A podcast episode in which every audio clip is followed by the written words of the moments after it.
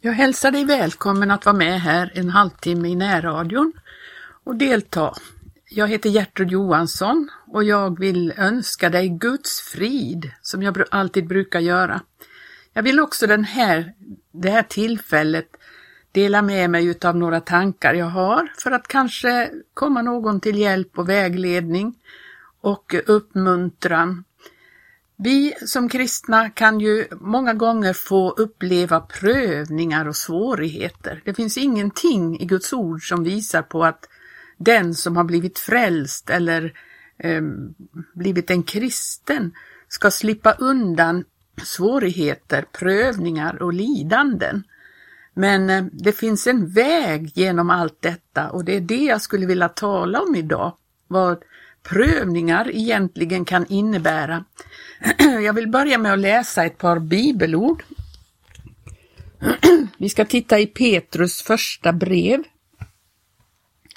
Första kapitlet och eh, tredje versen. Där står det så här. Lovad vare vår Herres Jesu Kristi Gud och Fader, som efter sin stora barmhärtighet har genom Jesu Kristi uppståndelse från de döda fött oss på nytt till ett levande hopp, till ett oförgängligt, obesmittat och ovanskligt arv som i himmelen är förvarat åt er. Ni som med Guds makt blir genom tro bevarade till en frälsning som är beredd för att uppenbaras i den yttersta tiden. Därför må ni fröjda er, om ni också nu en liten tid där så måste ske lider bedrövelse under allehanda prövningar. För att om er tro håller provet, vilket är mycket mer värt än guldet som förgås, men som dock genom eld bliver beprövat, detta må befinnas lända er till pris, härlighet och ära vid Jesu Kristi uppenbarelse. Honom älskar ni utan att ha sett honom och fastän ni ännu inte ser honom tror ni dock på honom och fröjdar er över honom med outsäglig och härlig glädje då ni nu är på väg att vinna det som är målet för er tro, nämligen era själars frälsning. Här handlar det ju om människor som har blivit frälsta och som har fått en sån kärlek till Jesus så att fast man ändå inte ser honom så älskar de honom och fröjdar sig över honom. Och så får de då uppleva prövningar, lida bedrövelse under allehanda prövningar. Och det beror på att deras tro behöver bli beprövad. För om den prövas, denna tro, och den håller igenom de här prövningarna, då är det mycket, mycket värt. Och det är det som människor måste förstå att lidandet många gånger kan vara en eh, skickat så av Gud för att detta ska stärkas i oss, denna tro som eh, handlar om att man tror fastän man inte ser. Och att man har ett sådant förhållande, en sån relation till Jesus så att man litar på honom vad som än kan hända och vad som än, hur det än ser ut. I Jakobs brev ska vi titta också.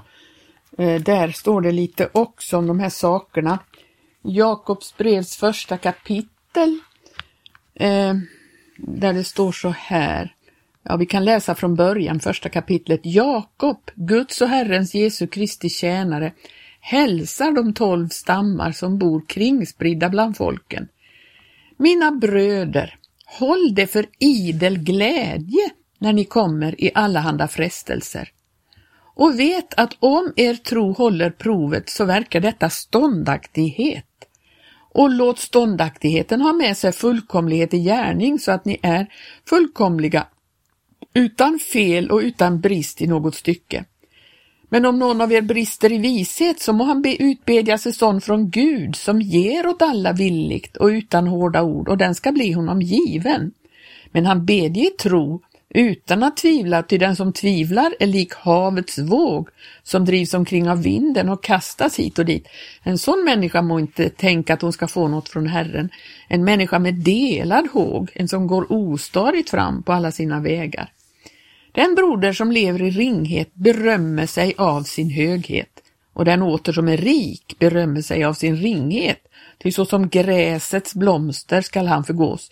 Solen går upp med sin brännande hetta och förtorkar gräset och dess blomster faller av och dess fägring förgår. Så skall också den rike förvissna mitt i sin ävlan. Och så står det i tolfte versen, salig är den man som är ståndaktig i frestelsen, ty när han har bestått sitt prov ska han få livets krona, vilken Gud har lovat åt dem som älskar honom. Tänk att vi har en livets krona som väntar och då är det väl värt att gå igenom prövningar för att denna tro vi har till Jesus ska stärkas och styrkas. Vi ser ju här då att den som tvivlar är likt havets våg. Sådana ska inte vi vara. Att vi ska inte drivas omkring av vinden och bara tro när, när det är framgång och, och välgång på alla sätt. Och sen när, så fort det blir prövningar, ja då tror vi inte längre. Så ska det inte vara. Vi ska fullständigt lita på honom, att han vet vad han gör. Och då kan vi titta på Eh, i Romarbrevet. Där står det ett ord som jag mm, mycket gärna läser. Jag tycker om Romarbrevet och Romarbrevet 8. Vi kan läsa ifrån 14 versen där. Ehm, där står det så här, ty alla de som drivas av Guds ande, det är Guds barn. Ni har ju inte fått en träldomens ande så att ni åter skulle känna fruktan. Vi behöver inte frukta vad som än händer. Eh, vi har fått, ni har fått en barnaskapets ande i vilken vi ropar Abba, Fader. Alltså vi har en far och vi litar på denna far i himmelen. Anden själv vittnar med vår ande att vi är Guds barn. Men är vi barn så är vi också arvingar, nämligen Guds arvingar och Kristi medarvingar, om vi Eh, annars lider med honom, för att också med honom bli förhärligade. För jag håller före att denna tidens lidanden intet betyder i jämförelse med den härlighet som kommer att uppenbaras på oss. Och så står det så här, ty skapelsens trängtan räcker sig efter Guds barns uppenbarelse. Skapelsen har ju blivit lagd under förgängligheten, inte av eget val utan för den skull som lade den därunder, dock så att en förhoppning skulle finnas att också skapelsen en gång ska bli frigjord från sin träldom under förgängelsen och komma till den frihet som tillhör Guds barns härlighet. Vi vet ju att ännu i denna stund har skapelsen samfällt suckar och våndas. Det är inte bara vi som lider, det är också skapelsen lider under det förhållande som har blivit på grund av synden. Men nu, nu står det ju så här, vi vet ju att eh, ännu i denna stund hela skapelsen samfällt suckar och våndas och inte den allenast, också vi själva som har fått anden så som förstlingsgåva, också vi suckar inom oss och bidar efter barnaskapet, vår kroppsförlossning. Men naturligtvis så längtar vi efter den dag när vi ska befrias ifrån den här tiden och det lidande vi får gå igenom här många gånger. Ty i hoppet är vi frälsta. Tänk, vi har ett sånt hopp, vi är frälsta i hoppet. Men ett hopp som man ser fullbordat är inte mer ett hopp. Hur kan någon hoppas det som han redan ser?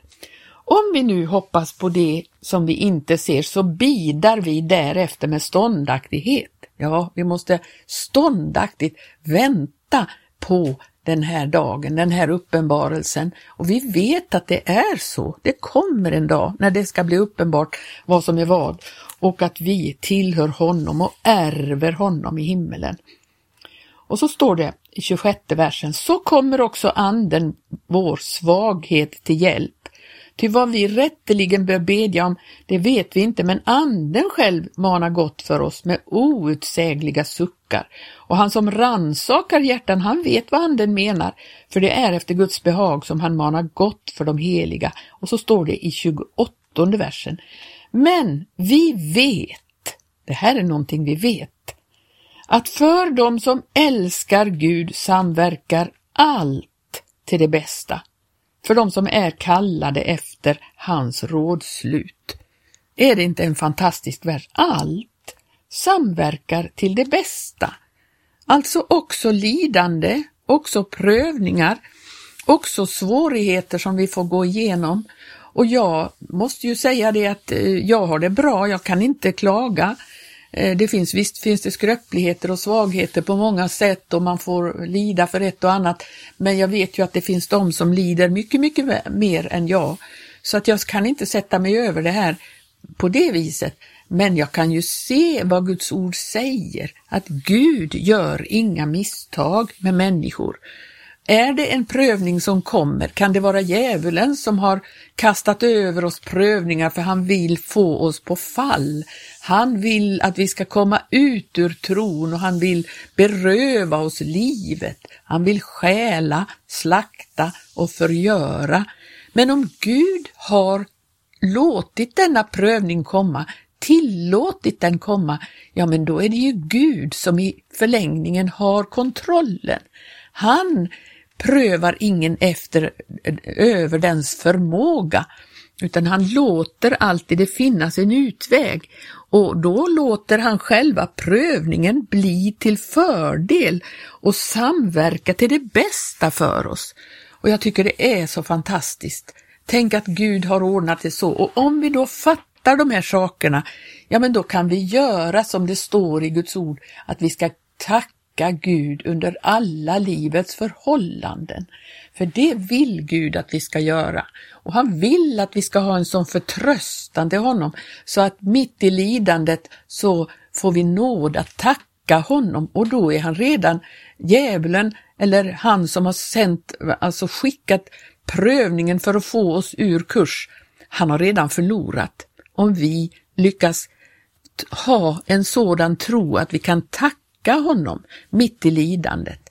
Lidande kan handla om väldigt mycket. Det kan handla om eh, det kan handla om isolering och ensamhet. Det kan handla om eh, att man blir övergiven av människor, sviken av människor, att man blir eh, illa behandlad av människor. Det kan också handla om att, eh, ja, sjukdom, eh, fysiska prövningar på olika sätt.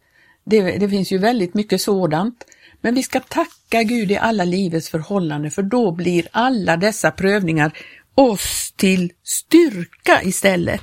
Och när vi kommer ut ur prövningarna så kan vi se att ja men det här var bra för mig. Det var nyttigt för mig. Och jag ska läsa ur eh, Hebreerbrevet där det handlar om Guds tuktan till eh, eh, sina barn det står så här i Hebreerbrevet eh, 12 och från fjärde versen kan vi läsa. Ehm, Ännu har ni inte gjort motstånd ända till blods i er kamp mot synden. Ni har glömt den uppmaning ni får, får som söner. Nu läser jag ur folkbibeln. Min son, förkasta, förakta inte Herrens tuktan, Tappa inte modet när du tuktas av honom, ty den Herren älskar tuktar han och han agar var son som han har kär. Tänk på det, den han älskar tuktar han. Och så läser vi vidare, det är till er fostran som ni får utstå lidande. Gud handlar med er som är söner. Och var finns väl en son som inte tuktas av sin far? Ja, jag tänkte att sådana finns det i Sverige idag. Men vi fortsätter. Om ni inte får en sån fostran som alla andra, då är ni oäkta barn och inte riktiga söner. Så att om vi får uppleva Guds tuktan här i livet, då ska vi tacka Gud, därför då är vi äkta, äkta barn till Gud. Och, och, han älskar oss, det är därför han gör det. Han vill fostra oss, han vill lära oss. Och precis som en jordisk far gör med sin son om han handlar rätt emot honom. Vi fortsätter. Vi hade våra jordiska fäder som tuktade oss och vi hade respekt för dem. Skulle vi då inte så mycket mer underordna oss andarnas far så att vi får leva? Våra fäder tuktade ju oss bara en kort tid efter bästa förstånd, men Gud gör det till vårt verkliga bästa för att vi ska få del av hans helighet. För stunden tycks ingen tuktan vara till glädje utan till sorg, men för dem som fostrats genom tuktan ger den längre fram frid och rättfärdighet som frukt.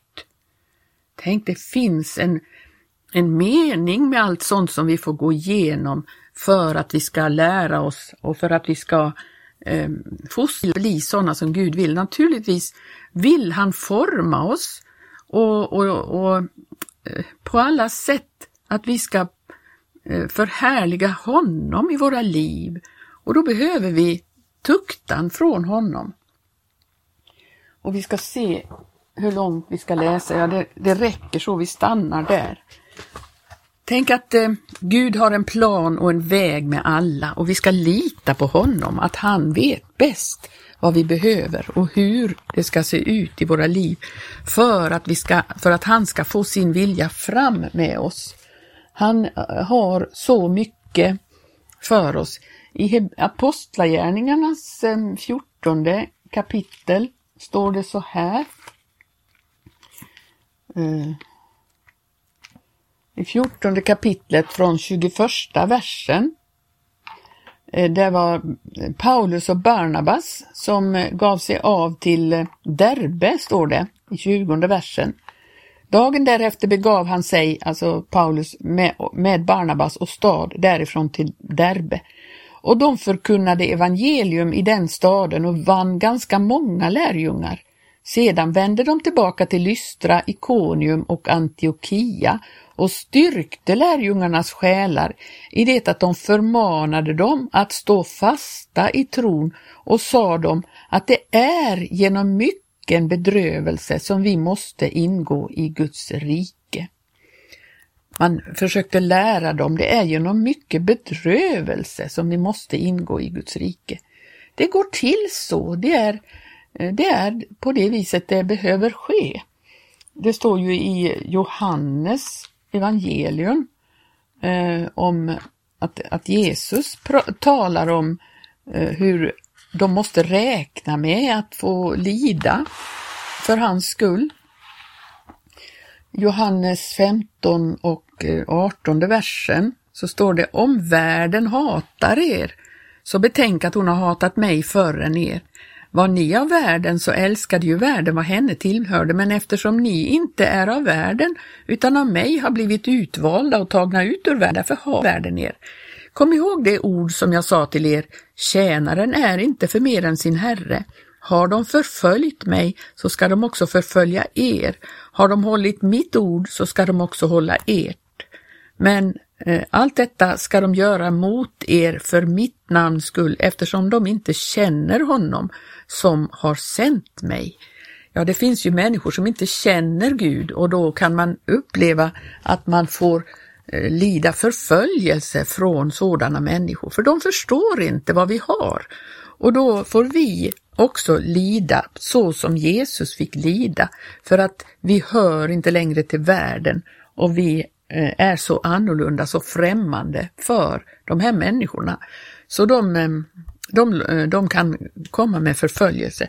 Lidandet kan handla om det ibland, det är inte alltid det gör det, men vad jag vill få fram den här, det här tillfället i närradion, det är just det här att, att vi måste lita på Gud i alla lägen, i alla prövningar och, och eh, eh, svårigheter som vi går igenom, att vi kan lita på honom.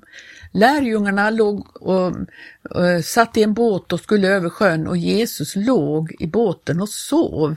Och så kom det en våldsam storm och lärjungarna blev ju väldigt rädda och bekymrade och de gick och väckte Jesus. Frågar du inte efter? Vi förgås ju här, säger de. Och Jesus står upp och så lugnar han ner eh, vågorna och vinden och det blir alldeles lugnt och så, och så frågar han dem, har ni så lite tro? Eh, han, han menade att mitt i de här prövningarna så skulle de ha litat på honom. Han hade sagt att de skulle över sjön, de skulle fara till andra stranden och då skulle de ha litat på att vi kommer till andra stranden därför han har sagt det. Så är det med Guds ord, vi ska lita på honom, att han har sagt att han vill ta oss hem. Han vill att vi ska komma hem och han låter det inte komma prövningar som inte går att komma igenom. Han eh, tillåter inte att vi blir frestade utöver vår förmåga, utan han bereder en utväg så att vi kan komma igenom. Vi ska gå tillbaka ända till första Moseboken. Vi vet ju hur Josef blev behandlad av sina bröder. Det står att eh, eh, på, i femtionde kapitlet så läser vi om att Jakob, deras far, dör och eh, de begraver honom. Och så står det så här eh, i fjortonde versen, femtionde kapitlet och fjortonde versen. Och sedan Josef hade begravit sin fader vände han tillbaka till Egypten med sina bröder och alla dem som hade farit upp med honom för att begrava hans fader. Men när Josefs bröder såg att deras fader var död så tänkte de, kan hända ska Josef nu bli hetsk mot oss och vedergälla oss allt det onda som vi har gjort mot honom. De visste ju vad de hade gjort mot sin bror och nu tänkte de att när Jakob är död, då tänker han säkert hämnas på oss för det här. Därför så sände de bud till Josef och lät säga, din fader bjöd oss så före sin död, så ska ni säga till Josef, käre, förlåt dina bröder vad de har brutit och syndat i det att de har handlat så illa mot dig. Förlåt alltså nu din faders Guds tjänare vad de har brutit. Och Josef grät när de lät säga detta till honom. Sen kom också hans bröder själva och föll ner för honom och sa, se, vi vill vara tjänare åt dig. Men då säger Josef så här. Men Josef sa till dem, frukta inte, håller ni då mig för Gud? Ni tänkte ont mot mig, men Gud har tänkt det till godo för att låta det ske som nu har skett och så behålla mycket folk vid liv. Frukta därför nu inte. Jag ska försörja er och era kvinnor och barn och han tröstade dem och talade vänligt med dem. Josef hade lärt sig en sak att ja, visst var bröderna väldigt onda emot honom, men Gud hade en plan genom allt det här. Men med det som skedde så var det ju för att Gud ville rädda mycket folk att låta mycket folk behållas vid liv, för Gud visste vad som skulle ske i framtiden. Och genom Josef så fick han också då rädda sina egna bröder från att svälta ihjäl. Och allt det här hade Gud tänkt ut för länge sedan så att det fanns en plan rakt igenom alla de prövningar och svårigheter som Josef fick genomgå. Så är det för dig och mig också. När vi är Guds barn så finns det en väg rakt igenom alla prövningar och lidanden och vi kan lita på att han, vår far i himmelen, har kontrollen och därför kan vi tacka honom i alla livets förhållanden. Jag vill också läsa lite ur en sång som vi har i Sälaregn, 597. Det står Ibland vår dag syns lång, vår prövning tung och svår. Vi frestas klaga blott och fälla sorgens tår. Men Jesus kommer snart och hämtar bruden hem. Då torkas alla tårar hos Gud i himmelen. Och så kommer kören. Det skall bli värt sitt pris att få se Jesus. Vår kamp på intet vis då syns för svår. En glimt av frälsaren och sorgen svinner hän, så löp mot himmelen, snart är du där. Gud välsigne dig som har lyssnat och så får vi höras igen nästa vecka. Amen.